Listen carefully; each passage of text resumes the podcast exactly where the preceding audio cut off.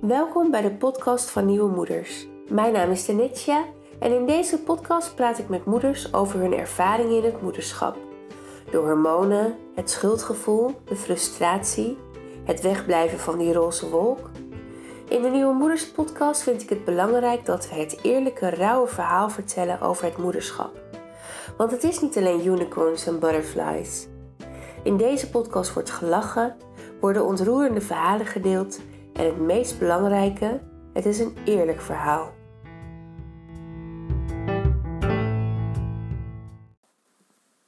In deze aflevering praat ik met Hanne, moeder van drie knappe puberzonen.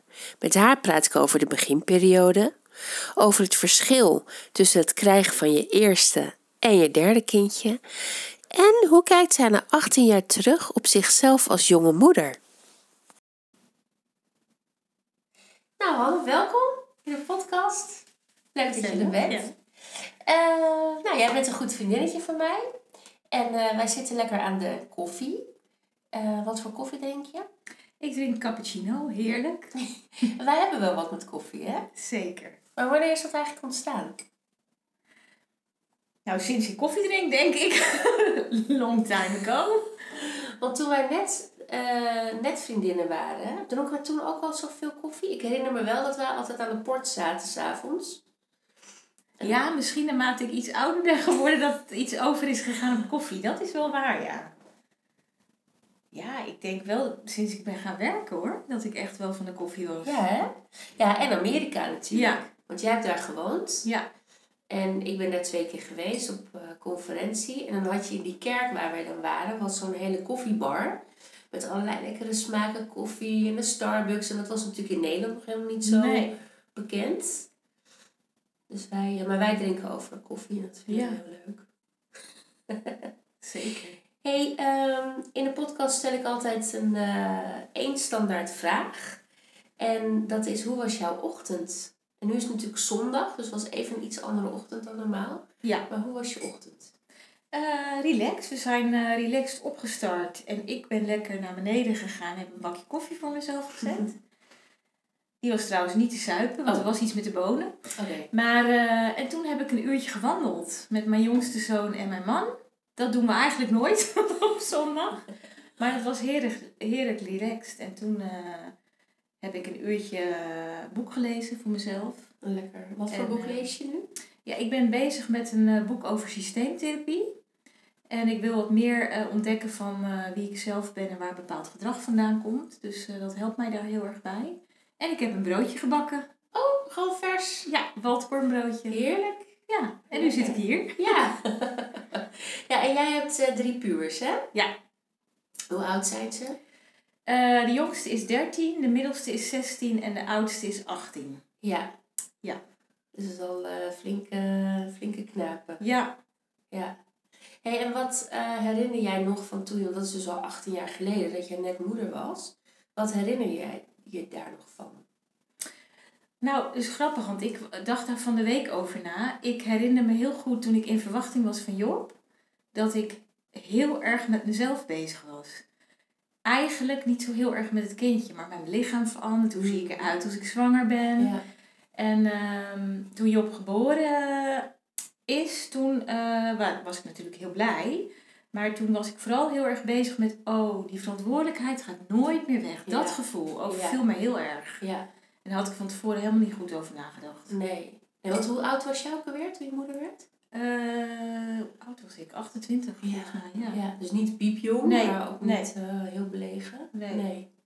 Nee, en ik was denk ik niet heel jong, maar ik was gewoon heel naïef ik dacht, ik dacht er en niet zo goed over na. En ik dacht, dat doe ik even, want iedereen kan dit. Ja. Dat.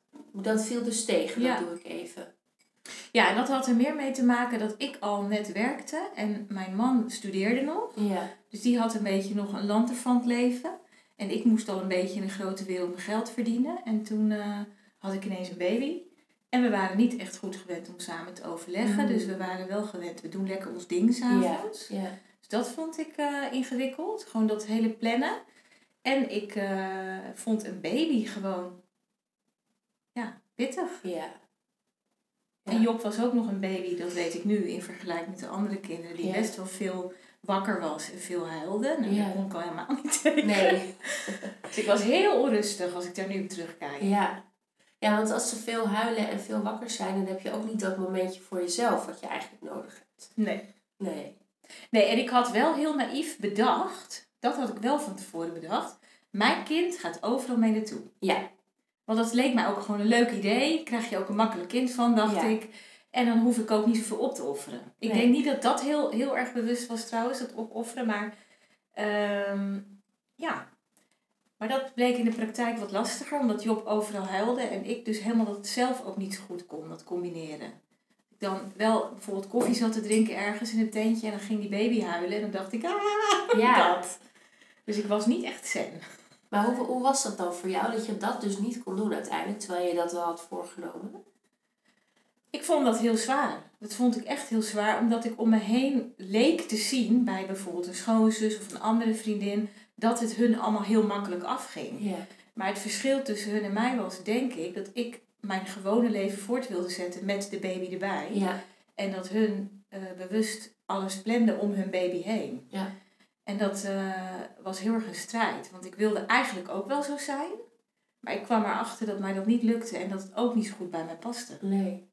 Dus dat slokte mij wel op. En Ja. ik werd daar ook wel een beetje, eh, nou, depri niet, maar ik was niet per se heel blij met de baby of zo Nee. in die periode. Nee. Nee, dus als ik daar nu op terugdenk, denk ik, jeetje, vond het eigenlijk best wel pittig. Dus als ik, ehm, ja, met wat ik nu weet, denk ik, ergens deed ik wel redelijk veel voor mezelf. Maar het was niet zo dat het echt een moment was waarin ik ehm, goed tot rust kwam, ontspannen dingen deed. Want als ik ze deed, had ik wel altijd Job bij me die onrustig was en daar werd ik weer onrustig van. Ja. Dat werkt natuurlijk ook op elkaar. Ja. Dus ja. En heb je dan ook nog bepaalde aanpassingen gedaan? Of was het continu wel je neus stoten? Ik denk dat ik te lang mijn neus gestoten heb, maar op een gegeven moment hebben Thijs en ik eh, afgesproken, we gaan het meer ehm, afspreken wanneer ik wegga en wanneer jij thuis bent. Ja. Nu overkwam het ons allemaal een beetje. Ja. We liepen een beetje achter de feiten aan. En ik had het gewoon echt nodig om ook alleen weg te gaan. Dus dan eh, spraken we af van, nou, dit is lekker jouw weekend. En dan eh, kon ik lekker mijn ding doen. Het ging Ja. beter. Ja. Maar omdat ik ook zo'n soort van eh, naïef, eh, idealistisch beeld had van leuk, zo'n baby overal mee naartoe, moest ik die gedachte wel een beetje loslaten. Ja, hè? Ja. Ja, ik herken dat wel hoor. Van dat ik, eh, nou, ik was dan 31 dat ik moeder werd. En ik had er super goed over nagedacht van tevoren, dacht ik. En op zich kon ik Ilias wel overal mee naartoe nemen. Want die was dan op dat moment heel relaxed. Maar die sliep heel slecht. Oh ja. Of heel laat. En die sliep overdag ook niet. En dat was dan wel makkelijk. Want dan nam ik hem gewoon Ja. mee en hij sliep toch niet. Maar die avonden, dat vond ik heel zwaar. Dat je dan, want ik weet nog dat ik dan uit mijn werk kwam. En dan eh, nou, was ik al helemaal gespannen dat ik hem op moest halen. Ik, oh, zit ik weer met die baby de hele Mhm. avond. Nou, Maurits die werkte natuurlijk onregelmatig. En reisjes, dus dan was ik wekenlang eh, alleen. En eh, eh, nou, had ik Ilias opgehaald. En dan, ja, hij ging niet om zeven uur naar bed. Dus ik zat de hele avond met een baby die Ja. niet sliep. En wel relaxed was, maar niet sliep. Nee, Dus dat, dan heb dat, je ook niet echt tijd voor echt jezelf. Nee, dat Nee. doet echt wat met je hoofd. Omdat je wel een bepaalde eh, verwachting hebt van, nou, wat je net ook zegt, oké, zo ga ik het moederschap invullen. En je ziet bij vriendinnen om je heen, je denkt dat het hun wel gemakkelijk afgaat. Ja. Nou, ik wist van jou natuurlijk dat het Ja. niet per se zo was. Maar ja, wij hebben echt van die oermoeders in onze omgeving. Ja. Dus dan denk je, dat moet ik ook kunnen. Nou, ik denk wel dat waar ik veel aan gehad zou hebben, want ik had inderdaad jou om me heen. En ik durfde er denk ik wel redelijk eerlijk over te zijn dat ik dat allemaal lastig vond. Maar ik had er wel veel aan gehad als ik gesprekken had kunnen voeren met van maar er is niet één manier. Ja. Ik hoef het niet per se zo Ja. te doen. Ja, Ik legde dat mezelf denk ik ook op. Dat ik een soort rolmodel zocht van nou. eh, want bijvoorbeeld mijn moeder heeft er bewust voor gekozen om niet te werken en de kinderen thuis op te voeden. Ik wist wel, dat wil ik niet. nee, nee. Maar ik wilde dan ook en een goede moeder zijn. En dat goede moeder zijn, dat was dan gekoppeld aan alles Rust, gewoon kunnen doen. Rust, ja, en Ja. reinheid en blij zijn. Ja. cranky. Ja, Dus ja. Ja, inderdaad. Ja. En die één manier, want op een of andere manier is als je een kindje krijgt, heeft iedereen heel veel adviezen. Ja. En die adviezen spreken elkaar soms ook tegen. Want je hebt allemaal je eigen waarden en normen. Dus de een zegt rust, rij Ja. regelmaat. En de ander die zegt van nee joh, hup, overal mee naartoe. En ehm, als je dan onzeker bent, zijn die adviezen echt niet ja, leuk. nee, dat is waar. Nee. Ja, en borstvoeding bijvoorbeeld was ook zo'n dingetje. Oh ja, ja. Daar heb ik wel over nagedacht dat ik dat wilde doen. Want ik had natuurlijk ook gelezen en gehoord van... Ja, dat is het gezondst. Maar ik was na zes weken zo ontzettend gestrest. Dat, dat hielp trouwens ook niet mee met de deur uitgaan en zo. Want dat, dat vond, ik was gewoon niet makkelijk met Hub overal gaan zitten voeden. Maar jij hebt het wel zes bij Job, wel Ja. zes weken vol kunnen houden. Jeetje. Ja, maar ik was wel op een gegeven moment echt eh, dat ik dacht van nee, ik... eh, en dan eh, kreeg je inderdaad het advies, dan moet je iemand bellen die voor borstvoeding is. Nou, ik mijn schoonzus gebeld. En toen heb ik wel die avond, toen ik die schoonzus had gebeld en die zei, nee, maar dan moet je even doorheen, dus een regeldag. Die avond heb ik besloten, ik ga gewoon over op de fles. Ja. Ik was helemaal klaar mee. Ja. Daar voel je je dan vervolgens weer schuldig om. Nou ja, ja, want waarom voel je je daar schuldig om? Ja, omdat ergens ik toch eh, het gevoel had van het, het borstvoeding is het gezond, het is goedkoop. Ik kan dit geven, dus waarom dan de fles? En het was toch een soort van algemene norm in mijn omgeving dat ja, flesvoeding, ze spraken het allemaal niet zo uit. En misschien heb ik het er ook wel een beetje van gemaakt, maar ik dacht wel eh, te horen zo van nou dat eh, ja, is beter. Ja. En wat, wat deed dat met jouw eh, moedergevoel, dat je daar dan toch mee bent gestopt? Eh, nou, ik heb wel een paar weken echt gedacht van, ook omdat hij op de flesvoeding niet veel beter ging slapen, want dat had ik ook in mijn hoofd. Ja. Fles, flesvoeding is misschien wat zwaarder, dus dan slaapt hij beter. Dat was Ja. niet zo. Dat ik me dan ook wel soms een slechte moeder voelde. En bij anderen, als ik dat dan vergeleek, is allemaal zo makkelijk leek. Want dan zag ik juist in bijvoorbeeld koffietentjes allemaal moeders om me heen, die dan heel gewoon koffie zaten te drinken, te kletsen en dat kind nog even zaten te voeden. Oh ja, ja. Terwijl ik, bij mij lag als de hele boel bloot. ik kon het ook niet Jij kon het ook niet Nee. wegwerken, die tiet? Nee. Nee, dus eh, ja. Maar het gekke is dat je dat bij zo'n eerste gewoon helemaal moet leren. Hoe Ja, je, hoe je, je kan het wel bedenken van tevoren, maar uiteindelijk met je hormonen en hoe je er dan bij zit, weet je toch niet goed. Nee, nee. Nee, want hoe was dat met de tweede? Want Duke die kwam anderhalf Ja. jaar daarna, hè? En toen was ik al een stuk relaxter. Ja. Maar toen had ik van tevoren bedacht, oké, ik ga niet zo emmeren met die borstvoeding. Ik ga het wel proberen. Maar ik heb er nog een peuter rondlopen, dus eh, lukt het niet. En toen heb ik het volgens mij drie maanden volgehouden. En toen was ik daar wel relaxed in. Want toen ging de borstvoeding wel goed. Maar toen dacht ik na drie maanden, ik ben er gewoon klaar mee. Ja. Want toen was ik aan het werken en dan moest ik kolven op mijn werk. En dat Ja. paste eigenlijk helemaal niet bij mij. Dus Nee. toen ben ik er gewoon mee gestopt. Nee. En eh, toen was ik wel wat meer, denk ik, al gegroeid in mijn rol als moeder.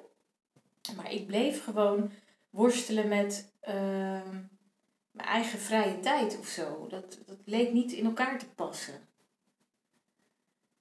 Dus ja, ik, eh, en misschien heb ik eigenlijk achteraf ook niet zo heel veel tijd genomen om nou eens goed na te denken, wat wil ik dan en hoe wil ik dat dan vormgeven en hoe ga ik dat doen. Ik had last van al die gevoelens, maar kon het niet goed concreet omzetten in hoe wil ik het dan wel. Nee, nee. En ik wist ook niet goed bij wie ik dan moest zijn of zo, dat. Nee, want in toen bij de tweede Ja. was er nog steeds Nee. geen ruimte voor. Nee. nee. Nee. Maar had je ook het gevoel dat als je dat uit zou spreken, dat je dan, eh, dat mensen dan ehm, jou geen goede moeder zouden vinden? Of op een bepaalde manier naar je zouden kijken? Nou, eerlijk gezegd weet ik niet zeker of die mensen mij geen goede moeder gevonden hebben, maar ik denk dat ik het niet uitsprak omdat ik dat zelf invulde. Ja. Dat was toch een beeld, ik bedoel als ik zei van nou de muren komen op me af einde van de dag en soms vraag ik me af waar ben ik aan begonnen. Dat hoort niet bij een startend gezin en je hebt zelf gekozen voor baby's, dus dan hoor je niet zo te praten. Nee. Dus ik denk dat ik best wel lieve mensen om me heen had, maar ik heb het niet echt uitgesproken, ja naar jou. Ja. En ik was ook wel in die tijd heel ongenuanceerd. Dus als ik er dan iets uitflapte, was het ook meteen heel eh, bam. En dan Ja. kon je er ook niet echt omheen. ook denk ik, soort van, nou dan is het eruit. Ja. En daar konden mensen denk ik ook niet altijd mee omgaan. Dus ja. Nee, en ik merk ook wel dat ik eh, het uitspreken van... Ik vind het eigenlijk niet altijd leuk om moeder te zijn. Er zijn ook vrouwen... ehm, eh, en ook in, in, ik weet niet in onze omgeving toen zo, maar wel in mijn omgeving toen ik moeder was, werd, eh, die geen kinderen konden krijgen. Ja. En ehm, hoewel daar toen iets meer een taboe op lag, denk ik, om het toen uit te spreken. eh, dat mensen, je weet het nu wel wat meer van mensen die het lastig hebben. Maar ik vond dat, en dat vind ik nog steeds wel, ook met nou, dit onderwerp natuurlijk, eh, bij nieuwe moeders heb ik het continu over hoe zwaar het eigenlijk is en, en alle ellende van het moederschap. Terwijl eh, eh, je dat ook weer bijna niet uit durft te spreken voor die vrouwen die eh, zo moeilijk kinderen kunnen krijgen. Maar dat maakt ook wel weer dat je ehm, dat gevoel van jezelf dus ook niet, geen ruimte geeft, niet toelaat. Nee, terwijl nu ben ik natuurlijk eh, zoveel, ben ik 18 jaar moeder, zeg Ja. maar, om het zo te zeggen. Nu kan ik wel bedenken, maar dat kan naast elkaar bestaan. Ja, Ik bedoel, als, ik, als het mij aanvliegt en ik kan het genuanceerd uitleggen aan de ander, betekent dat natuurlijk niet dat ik eh, niet dankbaar ben voor de kinderen. ja.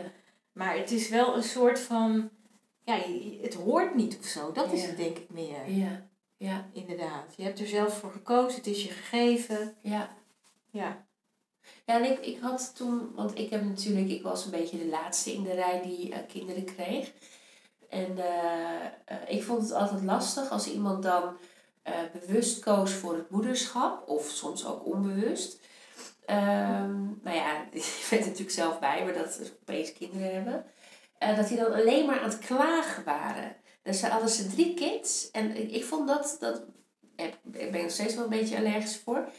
Eh, dat vond ik altijd wel, wel lastig. Dat Ja. ik denk van, ja, inderdaad, jij wil kinderen. En op het moment dat je dan zelf kinderen krijgt, dat je denkt van, ja, nee, inderdaad, weet je. Het is Ja. ook niet allemaal zo eh, makkelijk. Ja, en ik merk dat ik ook wel wat, want ik, nou, ik weet niet of jij dat nog weet, maar ik had altijd wel ernstige mening over eh, hoe jullie het dan deden, zeg maar. En hoe, hè, bijvoorbeeld eh, eh, als iemand heel bewust in die opvoeding stond, dat ik echt zoiets had van, nou, eh, af en toe even laten varen hoor. Of bijvoorbeeld met heel veel zorgen maken, dat ik zoiets had van, nou, je hoeft er niet zoveel zorgen te maken. En sinds ik moeder ben, ben ik daar wel wat, ehm, eh, hoe zeg je dat, wat, wat, wat meer, wat milder in geworden. daar ben ik ook wel genuanceerder in geworden. Want ik denk, ik heb dan drie verschillende kinderen die drie verschillende benaderingen nodig hebben.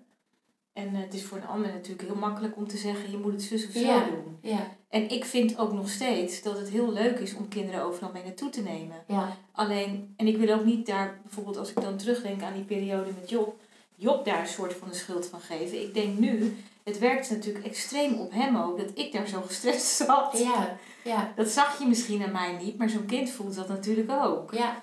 Dus ik denk, ja, daar had ik ook wel iets relaxter mee om kunnen gaan, zeg. Maar ja, dat is ook achteraf. Ja, en ik, ik dacht gisteren ook nog bij, eh, eh, dat Ilias sliep zo slecht. Maar ik had het ook heel erg nodig dat hij ging slapen. Dus dan ben je Dus- ook op gefocust. Ja, dus er was een soort stress Ja, wat hij echt aangevoeld heeft. Want als ik nu eh, bekijk, is hij best wel een heel gevoelig kind. Dus die heeft gewoon aangevoeld dat daar een soort iets omheen Ja. hing.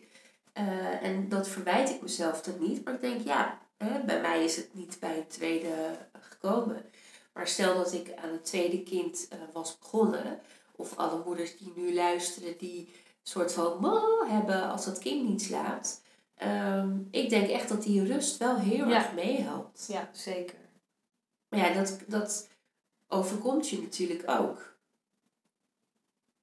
Ja, ik kan het nooit zo goed inschatten voor andere moeders, maar ik was in het moederschap niet zo bewust. Nee. Terwijl ik lijk wel heel bewust, maar dat is toch niet zo. Ik denk naarmate ik dus meer kinderen kreeg, ging ik veel beter nadenken over, nou dat wil ik in ieder geval niet meer zo doen. Ja. En nu denk ik van, het was toch wel handig geweest, want zo jong was ik ook niet, om daar toch eens wat meer, want daar werd ik dus altijd zo dwars van. Dat ik dan geen moeder was en alle mensen om me heen dan inderdaad van alles lazen en al die ouders en nu en, dat, en, en weet ik veel wat voor cursussen. En dat ik dacht, oh dat past al helemaal niet bij mij. Maar achteraf heb ik mezelf wel, nou verweten niet, maar gedacht, ja je hebt dus ook heel weinig opgestoken van de ander. Ja. Hoe je het wel of niet zou willen doen. Ja. Ja. Dus ja, Ja. maar ja, nu denk ik wel van ja, iedereen heeft daar toch zijn eigen. Je neemt jezelf mee en je hebt je eigen ideeën daarover. Dus dat moet je ook niet te veel op een ander leggen, denk ik. Nee. Nee, zeker niet. Nee. Weet je, en ik denk dat als eh, in, in, als wij in deze tijd hadden gezeten, hoewel ik natuurlijk genoeg moeders spreek die precies dezelfde, Mhm. Eh, precies tegen hetzelfde aanlopen als wij. Maar en je hebt nu wel eh, veel meer, eh, nou, op social media bijvoorbeeld, eh, of, of eh, ja, dat er gewoon meer aandacht, het mag er wel iets, het mag er wel meer zijn. Ja. En ik denk dat ik achteraf gezien wat meer. ja, goed, dat is natuurlijk ook leeftijd. De, want toen was je veel jonger. Maar als ik iets meer in de rust had gezeten. Maar ik, ik had ook een soort van. eh, ik kon ook niet zo goed accepteren dat mijn leven was veranderd. Ja, maar ik denk dat dat het punt is. Dat is Ja. bij mij ook. Ik wilde wel die baby. Echt wel. En daar ben ik ook nog steeds heel blij mee. Maar ik wilde niet mijn leven heel erg aanpassen. Ja, Ik wilde alles kunnen blijven doen. Ja. En dan ook nog heel blij en heel uitgerust. ja heel knap en heel Ja. slank en heel Precies. alles weer. Ja. Dus ja, Ja. ik ook. dat is wel een goed punt. Ik denk als je inderdaad op bepaalde momenten rust had genomen. En ik had bewuster gedacht, oké, dit is hier, hier kies ik nu voor. Mijn baby huilt, ik doe gewoon alleen dit vandaag. Ja, Maar ik had afgesproken met Thijs van, ik ga het weekend lekker weg. ja, Maar zo leefde ik gewoon niet. nee. Dus dat, dat eh, is wel jammer dat ik dat niet eh, eerder opgepakt heb. Ja. Maar ja, Ja, dat is achteraf. achteraf natuurlijk. Ja. Maar goed, wij gingen wel weekenden weg. ja, Maar had je dat... laadde je daar wel van op? ja, zeker. Ik heb alleen echt heel erg veel jaren, en dat heeft natuurlijk meer met jezelf te maken als met je omgeving, denk ik, achteraf. Last gehad van het feit dat ik dat deed en Ja. dat ik een van de weinigen was in mijn omgeving die dat dus deed. Ja. Want de rest van de moeders deed dat gewoon niet. Nee. Dus dan voel je natuurlijk ook al anders. Ja. Soort schuldgevoel Ja. dat je dan wel... Ik weet nog dat jij zwanger was, dat wij eh, naar een huisje gingen. En toen reden we zo over de dijk en toen kwam er zo'n... eh, kwam een moeder met een eendje. Ja, ik weet het nog. Ging ik nou over dat eendje heen? Nee, maar jij, jij, jij zei, het was op de dijk inderdaad. En jij zei wel van, Hanne, ik rijd door. Dat heb ik geleerd van mijn vader. En ik heel hormonaal. Oh, doe ik ja. Ja, maar toen was je zwanger van? Ik denk van, joh, Nee. Ja? ja? Oké. Volgens mij was Ilias er nog niet. Nee, nee, zeker niet. Nee, maar Ilias was ook nog niet bij Max Nee, dat is waar. Ja. Ja, oh, lachen, hè? Ja. Ja, want ik, ik, ik merk, ik weet wel, kijk, dat toen eh, eh, ik moeder werd, eh, had ik natuurlijk wel die vrouwen om mij heen die dan allemaal oermoeder waren. En daar, ik had er ook heel veel aan. Ja, Want ik kon ook met alle vragen bij hun terecht. Ja. Maar ik had jou ook wel een beetje als voorbeeld van, oké, het standaard eh, plaatje, dat, dat hoeft dus niet per se. Nee. En ik kon ook niet anders. Weet je, ik ging, ik, ik, eh, eh, ik had het zo nodig om de deur uit te gaan. Dat ik ook, nou hoe oud was Ilias, dat, dat ik met hem in het Twingootje naar Amsterdam, het hele Twingootje vol met van alles. Want ik moest en zou naar mijn zusje in Amsterdam. Of dat ik hem achterliet bij een vriendinnetje van mijn zusje. Want ik ging Simone helpen assisteren in Den Haag. Ik ging volgens mij op Ilias passen. Toen was hij hoe oud? Zeven weken of zo. Toen ging jij naar... Ik ging naar Ja. Noorwegen, ja. ja. En als ik daar achteraf op terug... Dan dat jij dat ook gedaan hebt überhaupt. Zo'n kleine baby. Ja, hij was bijna drie maanden. Is dat zeven Of ja, weken? nee, dat is iets ouder. Ja. Ja. ja, maar ik denk dat dat scheelde dat ik dus zelf al kinderen had. Anders Ja. had ik dat denk ik heel eng gevonden. Ja, Maar- nu, nu ging hij dan toch mee in de flow van, van de andere ja kinderen. inderdaad. Maar dat hè, dat je gewoon... Achteraf denk ik, oh, hij was al zo klein. Hoe heb ik dat gedaan? Maar ik had die, dat ook zo nodig Ja. inderdaad om... Nou, mijn schoonzus die zei, ehm, vond ik wel grappig. Die heeft een eh één zoon en die is nu eh, sinds twee jaar het huis uit. En die zei van de week tegen mij, Hanne, als ik erop terugkijk, denk ik, als je va- 80 of 85 mag worden, is je kind maar een vierde van je hele leven bij je. En Ja. nu denk ik, als, als ouder volwassen vrouw, had dat wat eerder gezegd. Want dat, dat relativeert dus heel erg. Want Ja. ik zat heel erg in dat moment, ik wil mijn dingen blijven doen. En het voelde dan natuurlijk ook weer heel egoïstisch, want je Ja. hebt te zorgen voor een kind. Ja, Maar als ik toen iets meer rust had gehad van, oké, je mag wel je eigen dingen doen natuurlijk. Maar ook van, joh, maak je niet zo druk als je een dag met een huilende baby zit. ja. Die gaat ook weer over. Ja, ja. Dan had ik het misschien wat meer in perspectief gezien. Ja. Ja, en die fases gaan ook allemaal Ja. weer over. Maar was dat bij een tweede en een derde makkelijker? Ik, eh, als ik er nu op terugkijk, denk ik bij de derde was ik super chill. Ja, jij was zo Ik heb een half jaar borstvoeding tiet. Als ik bij jou thuis kwam, zat, zat dat kind weer in de tiet. En dan die twee anderen eromheen. Dan denk ik, hoe heb ik dat gefixt? Ja. Nou is niet het advies, je moet steeds meer kinderen krijgen. Maar dat, dan, ja, dan ben je toch wat meer in je rol gegroeid of zo, denk ik. Ja, dan- en, en je moet ook, want je hebt gewoon veel meer natuurlijk reuring om je heen. Ja. Dus Ja. je kan wel heel gestrest gaan zitten doen, maar ik werd er wel makkelijker in, ja. Ja. En ik moet zeggen, Max was ook heel relaxed als baby. Ja. En lekker, hij was natuurlijk ook lekker eh, een flinke baby, Ja. zeg maar. Ilias was echt zo'n zo'n iletje. Ja. Als hij niet eet, dan eh, ligt hij om. Nee, Maar- hij was heel relaxed. Hij Ja. zag er heel gezond uit. Ja, ja, At goed, was overdag heel relaxed, sliep goed. ja, Dus ja, dat is ook makkelijk natuurlijk. ja, ja. Ja. Hey, en als je een, een eh, advies zou moeten geven aan de 28-jarige Hanne die voor het eerst een kindje krijgt, wat zou dat dan zijn? Oeh. Nou, dat is het toch wel wat ik net zei, denk ik. Van blijf ademen. Niet zo gestrest over iets wat je zelf niet kan doen. Maar wel de balans in, het hoeft niet het een of het ander te zijn. Het was bij mij alles of niets. Of ik zat thuis, zagrijnig, omdat ik de deur niet uit kon. Ja, Dat mag je ook meer omarmen, denk ik. Die dagen zijn er nou eenmaal. En dan hou je ook van je kind. Ja. En daar leer je ook veel van. Ja. Maar eh, het hoeft dan niet te betekenen dat je gelijk vervolgens een moeder bent die de hele dag thuis zit. Dus ik denk, ik zou wat meer willen leren genieten in het moment. ja, Dus als je een bad day hebt, om wat voor reden dan ook, dan is die er. ja, Maar maak eh, leuke plannen voor het weekend om wel dan zelf wat te doen. Met Ja. vriendinnen of zonder kinderen. ja, En daar zou ik wel, als ik daar terugkijk, veel relaxter mee omgegaan zijn. Met wat ik nu weet. ja. Want dan zijn alle dagen leuker. Want nu was het zo, eh, ja, hoe zeg ik dat? Zo bewust de hele tijd van een soort van stressfactor omdat ik de deur uit wilde. Ja. Ja, Nou, dat vind ik een hele mooie afsluiter. oké. Dankjewel dat je er was. Graag gedaan. We gaan nog een koffietje nemen. Ja.